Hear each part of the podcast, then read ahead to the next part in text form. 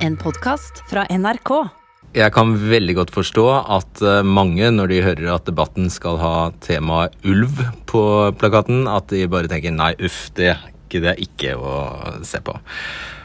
Og det kan jeg forstå, fordi eh, ulv er et eh, på mange måter gjennomdebattert tema og virkelig en gjenganger opp gjennom tidene. Men samtidig, jeg må bare innrømme det er noe dypt fascinerende med med dette dyret og debatten rundt det. Og det er jo sånn at vi aldri klarer å finne en løsning som er helt uh, tilfredsstillende. Ja, veldig vanskelig, rett og slett. Og den, en av eh, foranledningene nå var jo i tillegg til at Senterungdommen da ville utrydde all ulv, som for så vidt ikke er et så originalt eh, standpunkt for eh, Senterungdommen, jeg tror, ikke, tror man kan kunne si det, så er det altså en dom i lagmannsretten som har falt, som både gir miljøorganisasjonene som hadde gått til søksmål mot staten, rett, men også staten. Og i veldig korte trekk så ga den staten rett i at uh, Stortinget kunne bestemme at uh, man kan felle ulv, drepe uh, ulv. Men samtidig så fikk miljøorganisasjonene rett i at begrunnelsen staten har brukt for å skyte ulv, ikke holder. Det holder altså ikke at man bare sier at summen av frykt og vanskeligheter med å bo sammen eller ved siden av ulv. Eh, og eh, negativ effekt på jaktinteresser og eh, negativ trivsel og sånt. Og summen av alt dette her gjør at vi må felle ulv innenfor ulvesonen. Det holder ikke, sa retten. Her må det begrunnes i hvert enkelt tilfelle når man vil felle. Og det stiller staten overfor et stort, eh, kjempedigert, potensielt kjempedigert eh, problem. For hvordan skal man gjøre det hver gang det fødes nye kull med ulver hvert eneste år? Hvordan skal man skaffe seg tilstrekkelig informasjon om hvert eh, revir? Hvordan skal disse rapportene kunne skrives? Og her støtter domstolen seg på eh, naturmangfoldsloven, som igjen er en direkte avskrift av vern konvensjonen. Så dette kommer man seg ikke veldig lett uh, utenom. Vel, uh, hadde jeg nær sagt heldigvis så kom vi ikke detaljert inn på denne dommen, men det var i hvert fall bakteppet for at vi valgte dette temaet. Gir det overhodet mening at Stortinget har bestemt at ulv og mennesker kan bo sammen når ulven spiser sauen og menneskene er livredde?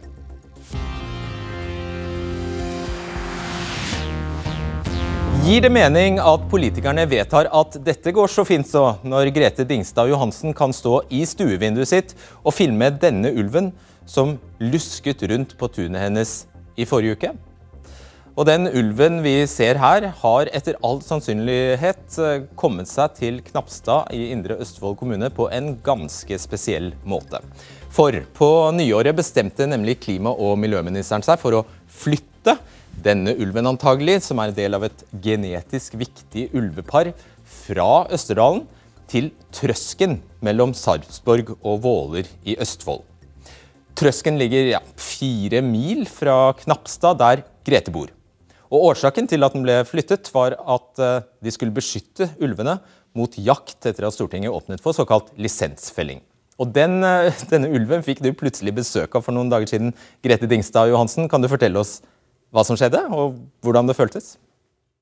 Nei, Vi oppdaga ulven plutselig når han eh, kom gående på gårdsveien vår eh, fram mot huset. Den sto heldigvis eh, rolig en stund, så jeg fikk tak i telefonen og filma da den gikk rundt huset vårt, for, rett forbi veggen og inn på tunet vårt. og hvordan, hvordan ser det ut rundt deg? Hvordan er bebyggelsen? Det er åpent landskap eh, rundt oss mot eh, andre gårder eh, og E18. Og en bensinstasjon 500 meter unna, tettstedet Knapstad, ligger to km unna med tettere bebyggelse og barnehager og skoler. Hvor så det ut da, for deg at, den, at ulven kom fra, kom fra skogen? Nei, Tidligere på dagen så hadde den vært i et industriområde rett over veien og i hagen på nabogården. Jeg hadde sett spor av tre timer eh, før på dagen, men hvor den har vært i mellomtida, det veit jeg ikke. Vi ser at det litt, ser nesten ut som det er skumring på bildene her. Når på dagen var det? Det var ti over fem på ettermiddagen. Ja. Hvor overrasket ble du? Jeg trodde ikke det var mulig å oppleve dette på tre meters eh, avstand eh, gjennom vinduene. Det var en helt spesiell opplevelse. Blir man redd da? Eh, redd er jeg nok ikke, men jeg må innrømme at jeg ser meg litt rundt, og at jeg setter bånd på den lille fire kilos gårdshunden vår når jeg går ut. Ja, så jeg regner jeg med også med at du var glad du ikke hadde hentet de to barnebarna dine akkurat denne dagen i barnehagen? Jeg er evig takknemlig for at de ble henta av foreldrene sine akkurat denne dagen. Takk skal du ha, Grete Dingstad Johansen. Ja, Sveinung Rotevatn, er du overrasket over at eh, Johansen plutselig får en ulv eh, luskende rundt huset sitt? Det er jo ikke veldig vanlig. Uh, ulv i likhet med andre rovdyra våre i Norge er jo veldig sky og veldig redd for mennesker, så det, er sjelden at de går i nærheten av bebyggelse. Men det skjer fra tid til annen. Og jeg kan jo forstå at en del vil synes at det er ubehagelig.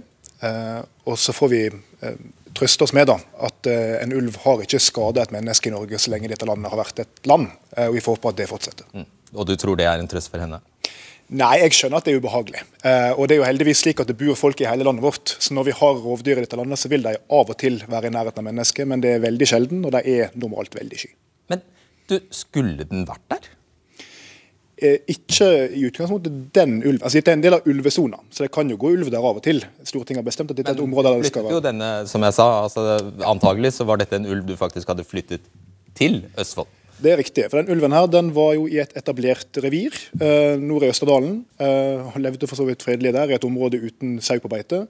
Eh, men Stortinget, med Senterpartiet, og Frp og Arbeiderpartiet, mente at her skulle det jaktes. Eh, og i og med at dette er et så verdifullt par for den norske bestanden, så besluttet jeg at da flytta vi den lenger inn i ulvesona. Så det gjorde vi etter nyttår. Og du, ja, du har kalt det en vellykket flytting. Når du ser disse bildene, vil du fortsatt si det var en vellykket flytting?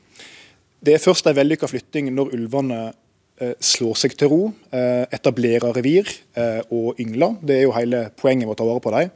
Og Det er på ingen måte et mål at de skal gå i nærheten av folk. Heldigvis gjør ulv veldig sjelden det. Og heldigvis er det normalt veldig Men Hvis den fortsetter å luske rundt i industriområder og i nabolag, vil du gjøre noe med det? Dersom ulv eller andre rovdyr blir veldig nærgående, så gjør vi noe med det. Da går Statens naturoppsyn inn og ser hvordan situasjonen er. Eh, og Vi feller jo også ulv av og til innenfor ulvesona. Men det er klart, dette her er innenfor ulvesona, der en i utgangspunktet skal ha veldig høy terskel for å felle ulv, som er et trua rovdyr i Norge. Så akkurat nå gjør dere ingenting for å få den tilbake til skogen? Eh, vi har jo valgt å flytte den til et område der det ikke var andre revirmarkerende par, men som er inne i ulvesona. Så målet er jo at den skal slå seg til ro der. Eh, men det vet vi jo ikke ennå, det tar gjerne litt tid. Hva svarer på spørsmålet mitt nei, du gjør ingenting for å sørge for at den kommer seg tilbake til skogen? Jeg vet ikke man, hvordan man dytter en ulv tilbake dit den du mente den skulle være? Nei, vi bruker jo ikke å gå og dytte rundt ulv. da. Ulv, nei, ulv, er veldig mobil og beveger seg over veldig store avstander eh, raskt. Eh, men når de først slår seg til ro i et revir, altså et begrensa område, så blir de normalt der. Og dette var jo en ulv som hadde slått seg til ro i et revir, i et område der den var godt etablert, uten sau på beite. Men som sagt, stortingsopposisjonen mente at her skulle den jakte på ulv likevel. Eh, og da valgte vi å flytte den lenger inn i sona, fordi det er en viktig del av rovviltforliket at vi skal ta vare på genetisk verdifull ulv. Og Det skal vi komme tilbake til, men det, det, bare for å få dette i klartekst. Disse naboene eh, til Johansen de må eh, regne med at, at denne ulven må de, må de antagelig støte på, kommer de antagelig til å støte på igjen. De må ikke regne med det, fordi det er heldigvis veldig uvanlig. Og som sagt, Dersom ulv blir veldig nærgående, så går vi av og til inn. Så vi følger godt med og tar med oss alle observasjoner i vårt arbeid, også den her. Og jeg forstår at folk syns det er uvanlig å se ulv, eh, og jeg forstår også at folk kan bli redde hvis de gjør det. Ok, Ta deg en liten pust i bakken på bakrommet, for nå skal du få bivåne en eh, duell mellom lederen i Senterungdommen, Torleik Svelle, og Anne Margrethe Wadder, som er leder i aksjonen Rovviltets røst. Ja, jeg skal innrømme det, Svelle, at du er den direkte foranledningen til at vi står her i kveld og snakker om uh, ulv. Uh, ikke bare er ulvejakta godt i gang, men midt i den så kommer du altså med et utspill om at vi skal ha en nullvisjon for ulv i Norge. Hva betyr det? Jo, Det betyr at vi skal fjerne ulven fra Norge. Uh, og Det mener jeg at vi må gjøre, fordi at nå står vi foran et veiskille. Fordi den ulven som man har i Norge nå, den er veldig innavla, og den er dårlig forfatning. Eh, og da står vi med et skille om at enten så må vi ha den bestanden vi har, og da må vi øke antallet drastisk. Eller så må vi bestemme oss for at vi ikke skal ha ulv i Norge, og da må vi fjerne den. Ja, og for oss eh, som ikke er helt inne i genealogien her, eh, du sier vi må øke antallet fordi vi må ha en frisk blod. Er det mm. sånn du tenker da? Ja.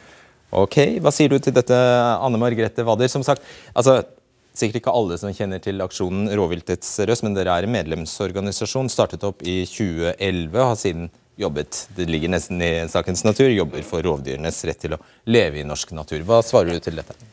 Nei, vi syns jo dette her er å gå eh, baklengs inn i framtida. Og det viser jo null naturforståelse. Eh, og eh, det, jeg syns de har et eh, menneskesyn som eh, Dere har et syn som Dere setter dere selv veldig høyt oppe på og skal ha bestemme over alle skapninger. Eh, og ser ikke på at vi er en del av naturen alle sammen. Ulven har en egenverdi i seg selv. Og, eh, eh, og det er ikke det at vi skal, vi skal, bestemme over arter sånn. Ulven hører til her. Mm. Hvordan skal du gjøre det? Nei, Akkurat hvordan vi skal gjøre det, det er det ikke vår som ungdomsparti å finne ut. Eh, men jeg må bare få lov til å skyte inn det, fordi i den debatten her så blir vi beskyldt for veldig mange ting ofte. Men det er jo en gang sånn at den ulven som er i Norge, den er ikke trua. Den er ikke kritisk trua på noen måte. Den finsk-russiske ulven finnes det ganske mye av. Eh, utenfor våre landegrenser. Men så har man satt opp en veldig sånn kunstig grense mellom Norge og Sverige og sagt at den ulven som er inne her, den er plutselig da veldig trua og verdifull. Mens eh, utenfor så finnes det da masse. Eh, så jeg tror vi kommer til å klare oss veldig godt i Norge uten ulv. Men, men, men vi, det, vi holder jo ikke å ha masse ulv i Russland. Eh, og ulven er kritisk trua i Norge, og det er det Artsdatabanken som har eh, satt. Og hvis du har fulgt med i Sverige, så er det faktisk sterkt trua i Sverige. Ulvebestanden i Sverige består av 300 ulv, og den står sterkt trua der også. Så, så det, det, det, hjelper jo ikke å ha, eh, ha, masse ulv i Russland. Men er dere i det minste, fordi det, det har jeg skjønt, at eh, dere er i, de fleste er i hvert fall enige om at på 70-tallet var, var, det ingen ulv igjen i, i Norge, og at den ulven vi har nå, du rister på hodet. Da får ja, du korrigere. Nei, ja, for Hvis man ser på SSB, en oversikt på SSB, eh, eh, Statistisk, Statistisk ja. sentralbyrå, så ser man helt ifra 1840 og, og fram til i dag, så er det skutt ulver eh, omtrent uten unntak hvert eneste år i Norge. Det har aldri vært utrydda ulven i Norge. Det har, det har, vært en periode hvor ikke det har vært ynglinger og familiegrupper. Men det har alltid vært ulv i Norge, så ulven har aldri vært utrydda. Det, det her syns jeg blir veldig rart eh, å si, for at det er feil. Eh, og så er det også sånn da, at eh, det er veldig mange Hva er feil? Nå, ja, At det ikke har vært ulv i Norge, eller at den har vært nesten helt fraværende. Eh, og naturen kollapsa ikke av den grunn. Eh, men så, det som er viktig for oss i Senterungdommen, er sånn som vi så på videoen her nå, så er det veldig mange folk som opplever det her som en utrygghet i sin hverdag. Eh, og nå har vi hatt en regjering i flere år som ikke har lytta til den utryggheten. Som gjør at folk mister litt troa på forvaltningen fordi man opplever ulv truende nært, og man syns det er et stressfaktor i sin hverdag. Eh, og Det har vi lyst til å lytte til, for at vi vil ta den utryggheten folk kjenner på, på alvor. Får ikke dere en ganske dårlig sak når, vi, eh, når vanlige mennesker kan filme sånt fra kjøkkenvinduet sitt? Ja, men, se der sånn. Hvis man, hvis man, klarer å lese ulven der, så ser man at ulven er stressa. Den er forvirra, og den vil ut vekk fra situasjonen. Og det er ikke sånn at det, Eh, at den kan være farlig for det. Jeg hørte det lå en baby i en barnevogn der, og jeg skal vedde for det at verken ulven eller den ungen i barnevogna være av hverandre på noen måte. Og eh, Hadde det vært mennesker på utsida av det huset der, så hadde ulven aldri gått der. Eh, og vi tåler jo, Det jeg syns er så rart i Norge, det er at vi tåler jo Hvorfor aksepterer vi f.eks. andre ville dyr som lever i skogen? Elg, rådyr, elg f.eks. Hvorfor skal man akseptere den, da? At Den kommer og står utafor kjøkkenvinduet ditt i mange timer, men vi kan ikke akseptere en ulv som går forbi. Og, ulv, og elgen den dreper faktisk og Her skal jeg faktisk supplere, ja, supplere Vader, med, med, statistikk. Altså, i, i, fjor så ble 65% av sauen, hvis det er den du er bekymret for, tatt av alt annet enn ulv. Den ble tatt av gaupe eh, og, og jerv. Mm. Nå er det jo sånn at Senterungdommen vil jo gjerne redusere antallet av andre rovdyr. og Selv om de er jo norske, så de har vi en forpliktelse mot å ta vare på. I motsetning til den finsk-russiske ulven. Eh, og så vil jeg si det fordi I 2019 så var det en enorm demonstrasjon i Oslo med masse folk som kom til Oslo fra hele landet. Eh, og de kommer jo hit fordi ingen hører på at de føler seg utrygge. Eh, de tok jo turen hit for å vise fram at de føler på en uro og en utrygghet i hverdagen. Eh, og Da er det vår jobb som Vi kommer jo fra steder der det ikke finnes ulv i det hele tatt. Jo, men Det er fordi at det her handler om at man føler seg overkjørt, og folk føler seg oversett. Og folk føler ikke at de blir tatt på alvor i den saken her. Alle disse som du snakker om i, i bygdene, vi har da mange medlemmer fra bygdene. Det ser ut som du tar Eh, alle som bor der, til inntekt for ditt syn. Det er jo ikke sånn. Det er mange, faktisk så har Nina en rapport på, som viser eh, flertallet for norsk ulv i Norge, og seks av ti er faktisk for å ha ulv også på bygda. Hva mener du? Altså, hvis, hvis, hvis det, det, som skjer i dag, altså Vi skal selvfølgelig komme nærmere inn på hvordan dette systemet er satt opp, og at ulven må leve i soner. Hva er ditt alternativ? Skal den få leve helt fritt? Ulven skal, vi, skal, vi skal jobbe for å øke bestandsmålet, ja. Eh, øke bestandsmålet, og eventuelt også utvide sona. For eh, ulven i dag har eh, under 5% av norsk areal som den får lov å leve. Og skal man ikke ha ulv der engang, liksom, så er det Vi mener at det skal utvides. Utvides, Og der bor det vel antagelig mennesker, regner med, fra før? Ja, men hva så? Det er ville dyr som er på lik linje naturlig tilhørende her, på lik linje som alle de andre dyra vi har her. Ja, og Da kommer vi egentlig naturlig tilbake igjen til dit vi starta. Fordi jeg oppfatter at vi nå står foran et veiskille hvor det er en, en del folk, f.eks. representert ved deg, som mener at hvis vi skal få til dette her, så må vi ha mye, mye, mye mer ulv. Eh, og det tror jeg ikke kommer til å gå. Det kommer til å skape utrolig mye mer usikkerhet og utrygghet for veldig mange folk. Og da mener jeg at et naturlig alternativ da er at vi sier at vi skal fjerne ulven fra Norge. Nei, men å ha eh, fire til seks ynglinger sånn som vi har i dag, det er ikke bærekraftig i det hele tatt. Og man holder ulven faktisk nede på et minimum av overlevelse når det kommer til bestandsmål i dag. Så det må økes. Og Jeg gir meg ikke helt for jeg stilte deg et eh, klart spørsmål om hvordan du skal få det, eh, få det til. I dag er det altså lisensfelling av ulv. I dag skjer det ved at man skyter ulven. Er det så mange andre måter å bli kvitt ulven på? Nei, jeg tror ikke det. Altså må man jo begrense ynglinger, naturlig nok. Ja, det er, det er snakk om skyting. Du skal skyte dem. Ja, jeg kan ikke komme på noen annen måte å gjøre det på. Nei, ikke jeg heller. Det var, det. det var egentlig bare det jeg ville fram til. Takk skal dere ha. Ja, Den som trodde temaet ulv bare handler om ulv, tar skammelig feil. For diskusjonen om dette dyret handler i stor grad om hvem som skal bestemme over hvem. Og det tror jeg kommer til syne bare panelet kommer seg inn her, så tror jeg det kommer til syne i det den første i det panelet får ordet. Nå var det på kryss og tvers her. Nå er dere på plass. Må vaske, de må vaskes inn. Sånn er ja, Veldig bra.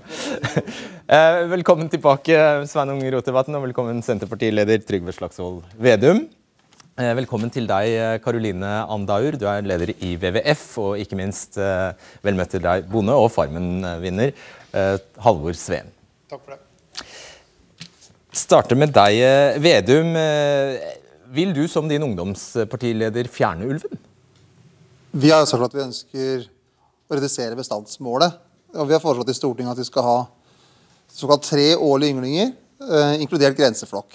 Nei, si, hva, hva, betyr det? Det vil bety at vi får ca. like mye ulv i Norge som vi hadde for 20 år siden, på starten av 2000-tallet. Altså mellom 30 til 40 dyr.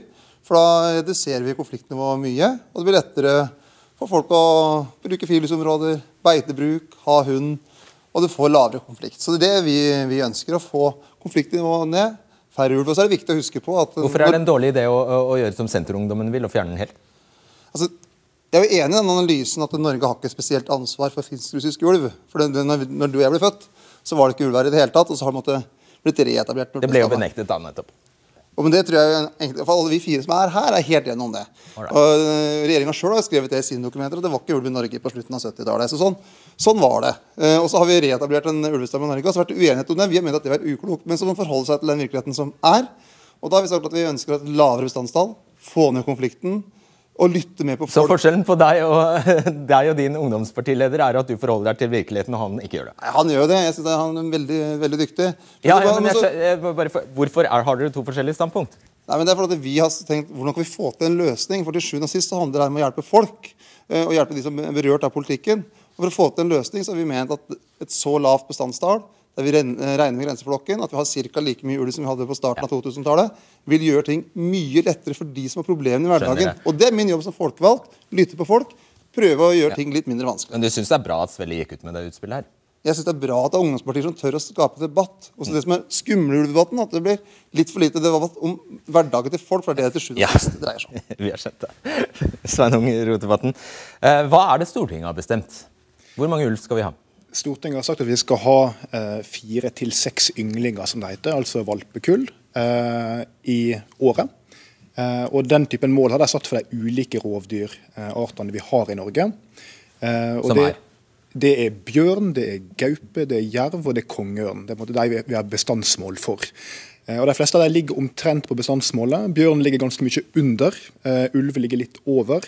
Uh, og Vi forsøker å styre etter de målene, slik at vi uh, har omtrent så mange rovdyr som det Stortinget vil at vi skal. Ja, Så din jobb når du skal effektuere dette stortingsvedtaket, det er å gi tillatelser eller avslag på, fellings, på felling?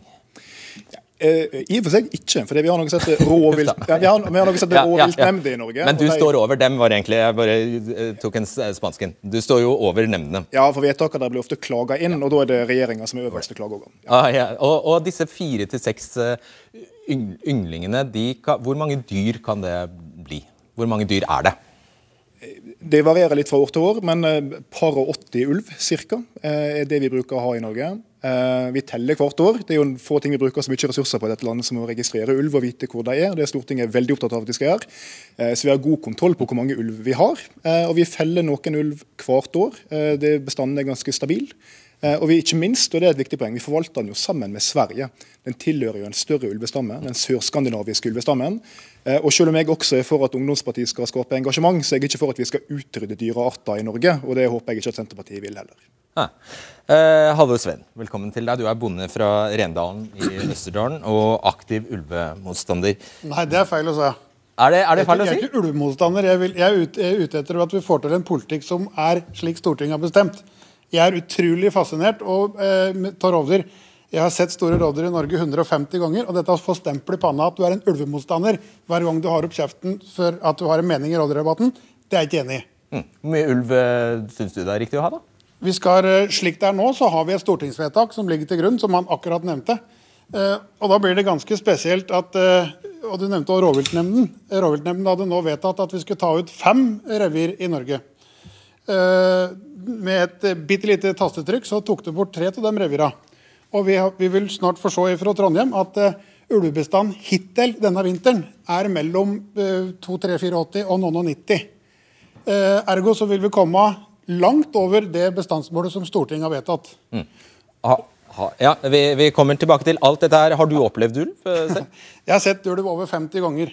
Og jeg har faktisk vært så nær en ulv så jeg har sparket den i huet. Ja, nettopp. Da, eh, Apropos Trondheim, vi skal gjøre som du sier. fordi eh, Det finnes i hovedsak ulv i deler av Hedmark. Tidligere Akershus i Oslo og tidligere Østfold, som vi nå alle vet har blitt til Viken. Uh, skal ikke kommentere det. Stortinget har altså bestemt at ulven skal få bo innenfor dette området her, som er i gult. Uh, det er en sone der ulvene kan få ha et visst antall ungekull. Utenfor ulvesonen kan ulvene skytes. Og da vil jeg henvende meg til deg, Knut Morten Vangen, seksjonsleder i viltseksjonen i Miljødirektoratet, med oss fra Trondheim. Mange, hva er fasit her? Hvor mange ulv har vi i Norge nå? Ja, Vi har nylig fått uh, status fra årets registreringer. og uh, Per nå så er det registrert uh, ca. 100 ulv i Norge. Det er da ulv som både er registrert kun i Norge og i grenseområdene mellom Norge og Sverige. Og Av disse 100 så er det 24 som er registrert døde siden 1.10. Skutt, altså? Ja. ja. Og er, det, er disse over 100, er det flere eller færre enn før? Eh, generelt sett så har det jo vært en vekst i den eh, skandinaviske ulvebestanden siden 90-tallet. Eh, vi har jo en bestand i Norge som er felles med, med, Sverige. Vi har en felles skandinavisk bestand. Den er per i dag på ca. 450 individer og har hatt en vekst siden 1990-tallet. Mm. Og det er riktig som jeg sa, den befinner seg Er den lydig? Holder den seg innenfor ulvesonen? Ja, Stortinget har fastsatt en ulvesone som du, du, viste på kartet. Når det gjelder de etablerte flokkene og parene, altså ulveflokkene, så befinner de seg i all hovedsak innafor ulvesonen. Og så har vi noen få streifindivider som også kan påtreffes på utsiden av ulvesonen. Ja, Det var en som kom seg over fjellet her for ikke så veldig lenge siden, husker vi. Den led en ublid skjebne. Og så, hvor kommer den fra? For dette er det jo stor uenighet om. Er den russisk? Ja, Som ble nevnt eh, tidligere i debatten her, så var jo ulv eh, i Norge og Skandinavia på det meste utrydda på 60- og 70-tallet. Det var ingen registrerte ynglinger eh, i Skandinavia i, den perioden. Eh, så fikk vi inn eh, en innvandrer fra Finland og Russland på begynnelsen av 90-tallet. og Det var da starten på en, en bestandsøkning i Skandinavia. Ja, Så den er ikke særlig norsk, er det rimelig å si? Ja, den, den stammer bl.a. fra grunnleggere også fra, fra Finland og Russland. og Det er viktig å si at um, største utfordringa for ulvebestanden i dag er jo at den er eh, grunnlagt av få grunnleggere, og eh, den er innavla. og vi har dermed behov for nye, friske gener, også fra Finland og Russland, i, i, tiden som kommer. Ok, Siste spørsmål. Eh, jeg har hørt at det finnes om lag to, to, to millioner sau på beite i Norge. Hvor mange sau blir tatt av ulv? Ja, Tall fra 2020 viser jo at ca. 1400 sau og lam ble bedrept av ulv i, i 2020 og erstatta som, som, drept av ulv. Og Det er da i underkant av 10% av det som ble erstatta som drept av rovvilt totalt sett for, for alle artene. Jeg angrer meg, det var nest siste spørsmål, fordi til slutt angriper den mennesker. Nei, altså ulv er, er, ikke farlig for mennesker. og eh, I nyere tid så har vi ikke noen rapporter som, som tyder på det. Men man skal ha respekt for ulv, som for eh, alle andre ville dyr i naturen. Hjertelig takk skal du ha. Karoline Andau, du er altså leder i Verdens naturfond, eller WWF, som dere også eh, heter. Eh, dere har møtt staten til i rettssaker flere ganger, og det er faktisk en dom nå som foreligger fra lagmannsretten i veldig korte trekk. Hva sa den? Ja, Vi tok eh, og saksøkte staten tilbake i 2017. Det først gikk til tingretten, det ble anka, så til lagmannsretten, og nå er det anka opp til Høyesterett. Eh, som skal behandles om et par uker bare. Det går ut på hvordan en bruker lovverket for å si at en kan skyte ulv. For ulven er lista som kritisk trua på den norske rødlista. og Da har vi et forvalteransvar for å prøve å få den ut, og ikke at den skal være kritisk trua lenger. Og vi har et internasjonalt ansvar som sier at vi skal ta vare på de de artene som er kritisk trua. Og For å få den ut av den uh, lista, så må de bli flere, gir det seg selv? Det må de, og de må ha for så må en se der på hvordan en skal ha ulvesonen, hvordan en forvalter den, for å sørge for at den blir livskraftig, som er formålet med å ha rødlista. er å si hva er bestandsstatusen, og hva kan du gjøre for å sørge for at den kommer av den og ikke er kritisk mm. trua lenger. Tapte eller vant dere i lagmannsretten? Begge deler. Eh, vi vant på noen prinsipielle ting i forhold til hvordan en kan bruke naturmangfoldloven for å si at vi kan skyte ulv. Eh, og så tapte vi på noen andre ting, og så var det noen prinsipielle avklaringer som ikke ble gjennomgått av lagmannsretten. Men det viktige for oss, grunnen til at vi, vi pløyer ikke ta staten for retten, vi pløyer ikke å bruke rettsvesenet. Men det handler om hvordan skal vi ta vare på kritisk trua arter i Norge, når vi har et ansvar for å sørge for at de ikke skal være kritisk trua. Ok, jeg tror vi forsto. Eh, Slagsvold Vedum, eh, det finnes jo et eh, rovviltforlik eh, fra, fra, 2016, det er vel det siste vi det egentlig snakker, snakker, om her. Er da, hvorfor er det så mye bråk når man faktisk har et forlik? Stortinget har blitt enige? Så Den regjeringa som Sveinung Rotevatn var en del av, da var det Høyre og Frp som satt i regjering da. De ønska et høyere bestandstall. Og så gikk stortingsjobbingen på Stortinget, overprøvde regjeringa og overprøvde Erna Solberg og satte et lavere bestandstall. Regjeringa ønska 58, Stortinget sa 4 6. Cool. Og så i etterkant av det, men hvert eneste høst, så har regjeringa overprøvd de lokale rovviltnemndene. For de lokale rovviltnemndene har sagt at de ønsker å følge Stortinget sine vedtak. Hvem sitter i de nemndene? Ja, Det er da folkevalgte fra de ulike fylkene. altså Det er oppnevnt fra fylkene med folkevalgte representanter som kjenner lokale forhold. Men så har da hver eneste jul så har det blitt en tradisjon fra først da Ida Helgesen, så nå Sveinung Rotevatn og Venstre. Og så overprøve de lokale vedtakene. Og Det er det som har gjort at det har eksplodert i Oslo mange ganger det har vært lov da, med demonstrasjoner. For folk har følt seg overkjørt og ikke lytta på. Og man har også overkjørt stortingsflertallet, og man har overkjørt de lokale rovviltnemndene. Og så har Sveinung Rotevatn og regjeringa ment at de vet så mye bedre, og da blir det konflikt. Ja, og Før Rotevatn får svare på det, hva mistenker du er grunnen til, eh, til at han Gjør, gjør, det fordi at han elsker å overkjøre uh, nemnder, eller fordi han bare elsker ulv? Hva tror du er grunnen? Det er ulike mål. altså Denne regjeringa har jo glemt å lytte i mange saker. altså Sånn som Viken i stad, som de også var pressa gjennom uten å lytte på folk. Eller tvangssammenslåing av Troms og Finnmark. så veldig mange eksempler på denne regjeringa har overkjørt den lokale viljen. Han får glede av det, er det det du sier? Nei, det tror jeg ikke. Altså, han ønsker mer ulv. Ja. Venstre okay. også ønsker også enda mer ulv enn det som kom i rovviltforliket. Og de har styrt etter det med, med Erna Solberg i spissen. Nå kan du forklare selv. Hvorfor gjør du det? Fordi jeg som statsråd har et ansvar for å følge vedtak Stortinget har vedtatt. Og Når Stortinget vedtar naturmangfoldloven, som setter noen krav til når du kan ta ut dyr i norsk natur, når Stortinget tilslutter seg Bernkonvensjonen, som sier at det er ikke bare slik at India har ansvar for å ta vare på tiger, og Tanzania har ansvar for å ta vare på løve, vi har også ansvar for å ta vare på ulv, ja, så må jeg holde meg innenfor de rammene. Eh, så skal det jo sies at rovviltnemndene stort sett fatter lovlige vedtak som vi velsigner, men av og til fatter de vedtak som går ut på å ta ut f.eks. ulv som aldri har vært i nærheten av å skade en eneste sau.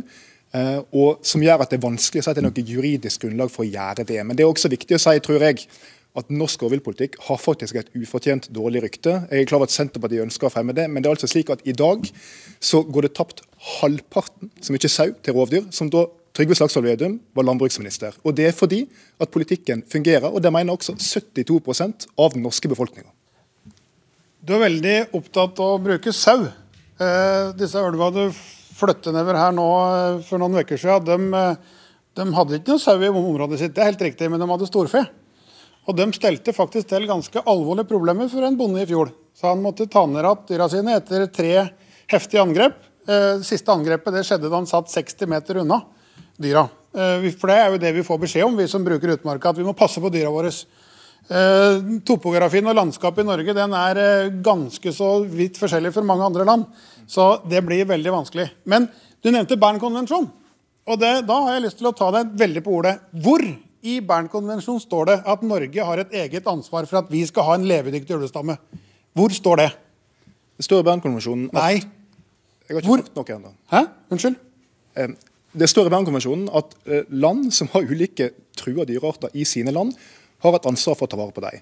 Eh, og det er ikke slik at vi kan forvente at land som har tigre, skal ta vare på dem, og land som har løve, skal ta vare på dem, mens vi skal slippe å ta vare på ulv, som hører naturlig hjemme i Norge. En kan selvfølgelig mene at vi ikke skal ha det ansvaret, slik Senterungdommen gjør, og Senterpartiet langt på vei, men jeg mener, og Venstre mener, og regjeringa mener, at vi har et ansvar for å ta vare på artene i norsk natur, inkludert ulv. Var det et greit svar? Nei, det var det ikke. Fordi at vi har òg en del andre ting i norsk natur som er særegne for Norge. Vi har en urbefolkning, og vi har en villreinstamme som eh, vi har Der er vi ganske bra forpliktet i, i Bernkonvensjonen. Men Vi har jo villrein også i Russland, i Canada, i Finland. Hvorfor skal vi ta vare på villrein? For den, den villreinen som er i Norge, den er ganske særegen. Nei, det er, samme, det er samme villrein som er Nei, det er det ikke. Og vi egentlig, bare for, uh, for å oppklare det du sikter til at denne ulven ikke er skandinavisk, og eh, insisterer på at den er av finsk-russisk herkomst. Ja, selvsagt. Han, og derfor har vi ikke noe ansvar. Nei, han, han, er, også, han, han blir, kan umulig bli true. Det, det, er en ting. Hvis Senterungdommen får, får, det som de vil, så all ulven i Norge blir skutt, så vil det gå noen få uker, så er den tilbake igjen. Og det, det er også et veldig godt eksempel på akkurat det som har skjedd nå under lisensjakta. I Aurskog der skjøt de tre-fire dyr, og så plutselig så kom det inn et nytt revirmarkerende par i området. Samme har nå skjedd på Kyndalen. Eh, skjøt langt flere ulver enn det som var eh, myndigheten sa i utgangspunktet. Og ny eh, revirmarkende hannulv er på plass en og halv uke, to og halv uke etter at lederparet skjøt den. Vi har selvsagt ulv fordi ulven kommer nettopp fra Sverige, og vi har en felles sørskandinavisk delbestand. Det er en del av den finsk-russiske bestanden. og Grunnen til at vi opplevde lite ulv og ingen ynglinger på 60-tallet, var fordi de hadde en vedtatt utrydningspolitikk i Norge der vi skjøt ulv hvert år. Det var en villa politikk. På 70-tallet så, så vi oss i speilet og sa at det vil vi ikke ha. Vi skal ikke utrydde, vedta å utrydde dyr. Derfor ble den freda, og dermed kom den tilbake. Og Det er det særskilte ansvaret vi har i Norge når vi sier at vi skal høre på de faglige rådene vi får, og så lage politikk. For det Vedum snakker om, og det vi diskuterer her, er hva politikerne ønsker i forhold til hva, hvor mange ulven skal ha. En ser jo ikke på hva som kreves for at det skal ha en livskraftig, livskraftig bestand, og den skal ut av den norske rødlista, som er det faglige rådet vi har. Det er ikke noe WWF har funnet på, eller andre. Så det sier Vedum at vi ikke skal stole på det faggrunnlaget vi har som sier at den er kritisk trua. Hvor da går grensen? Hva da med villreinen? Hva da med villaksen? Det er noen arter som er norske ansvarsarter, som er spesielt viktig at Norge tar vare på det europeiske artsmangfoldet. Norsk, ulvestammen er jo ikke det, for det er en finsk-russisk ulvestamme. Men det som er hovedproblemet i ulvedebatten, er jo at de som blir berørt av politikken, er de som blir minst hørt. Altså de som bor i den såkalte ulvesona. Det er de som føler seg overkjørt gang etter gang. Og når den, for nå når Sveinung Rotevatn flyr den uh, ulven med helikopter da, og bruker masse ressurser på å plassere den i Østfold, så har han ikke spurt lokalsamfunna der. Man bare kjører det inn. Det skaper masse lokale problemer. Og Det er der konfliktnivået ligger. og Det er det vi i Senterpartiet ønsker. At vi skal lytte mer på de som faktisk blir berørt av politikken. Og så er det viktig når, når du trekker fra det med antall sau. da. Jeg synes Det er en avsporing av debatten, men det må være litt sånn faktabevisst. For I ulvesona så var det 11 478 sau på beite i år 2000. I 2019 så var det 1143. Så det er blitt en tiendedel. Og det er det er ikke rart at Man gidder ikke å drive sauehold i de områdene. Det er poenget. Ja. Det er ikke mulig å drive med sauehold på utmarksbeite der det er ulv i et område. Dette er tilskuddstallene. Så det er fullstendig riktige tall. Du kan bare sjekke okay. den. Du kan sjekke hos Landbruksdirektoratet, så ser du det. Ok, Men det, slags, veldig kort. det Slagsvold Vedum ikke nevner, det er at det er ikke noe mindre sauehold i ulvesona nå enn det var da. Det er like masse sauehold. Men, jo, det er like masse sauehold. Men Stortinget har vedtatt at innenfor den sona og det har også Senterpartiet vært med på vet, var riktig, bare lise, ja, men Du snakker om sau som er på beite uten gjerde. Stortinget har vedtatt at innenfor den sona, det har Senterpartiet vært med på å vedta, så skal rovdyr og ulv ha fortrinn. og Det betyr at en må tilpasse drifta. Men den er like masse sau som før. Det er bare at en driver på en annen måte. Det er helt feil. Ah, okay. Også, jeg, det er, det er La Sveen få avslutte. Er, er, du snill? For i 2019 det husker, vi husker det veldig godt at, eh, at eh, kom, de kom fra busslaster fra Finnmark til og med for å demonstrere mot, mot rovdyrforlikets praktisering, hvordan det blir praktisert. Vil det samme kunne skje igjen? Det gjør ingen monn. Eh, Astrid Lindgren sa den gangen at eh, da politikere slutter å lytte på folket, så må de byttes ut. Og Det regner jeg med at det kommer til å skje til høsten.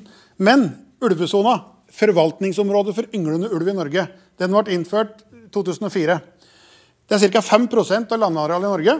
NIBIO har gjort en undersøkelse for, på verdien av beite i det området. Det er ca. 100 millioner i året. Det skal da altså de private rettighetshavere okay. og eh, beitebrukere, det skal de måtte eh, holde på å stå for. For staten har sagt at i vårt område der skal være ulv. Der er ulven som skal ha prioritet. Og det? det er ikke bra. Vi kan ikke ha det slik. Det får bli punktum. Tusen takk. Du har, du har kjørt lengst, så det var riktig at du fikk siste ordet.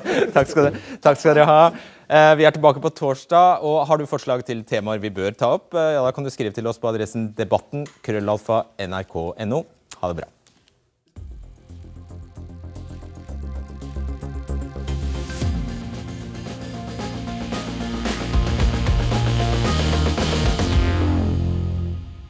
Ja, som jeg sa, så må du gjerne skrive til oss. Da kan du bruke den e-postadressen jeg oppga, debatten krøllalfa nrk.no.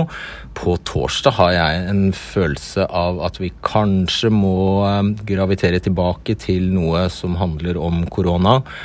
Eh, det er veldig mye som skjer nå, men vi får eh, se. Vi benytter, som jeg har sagt tidligere, alle de anledningene vi kan når det føles riktig til å ta andre temaer enn korona. På gjenhør. Du har hørt en podkast fra NRK. Hør flere podkaster og din NRK-kanal i appen NRK Radio.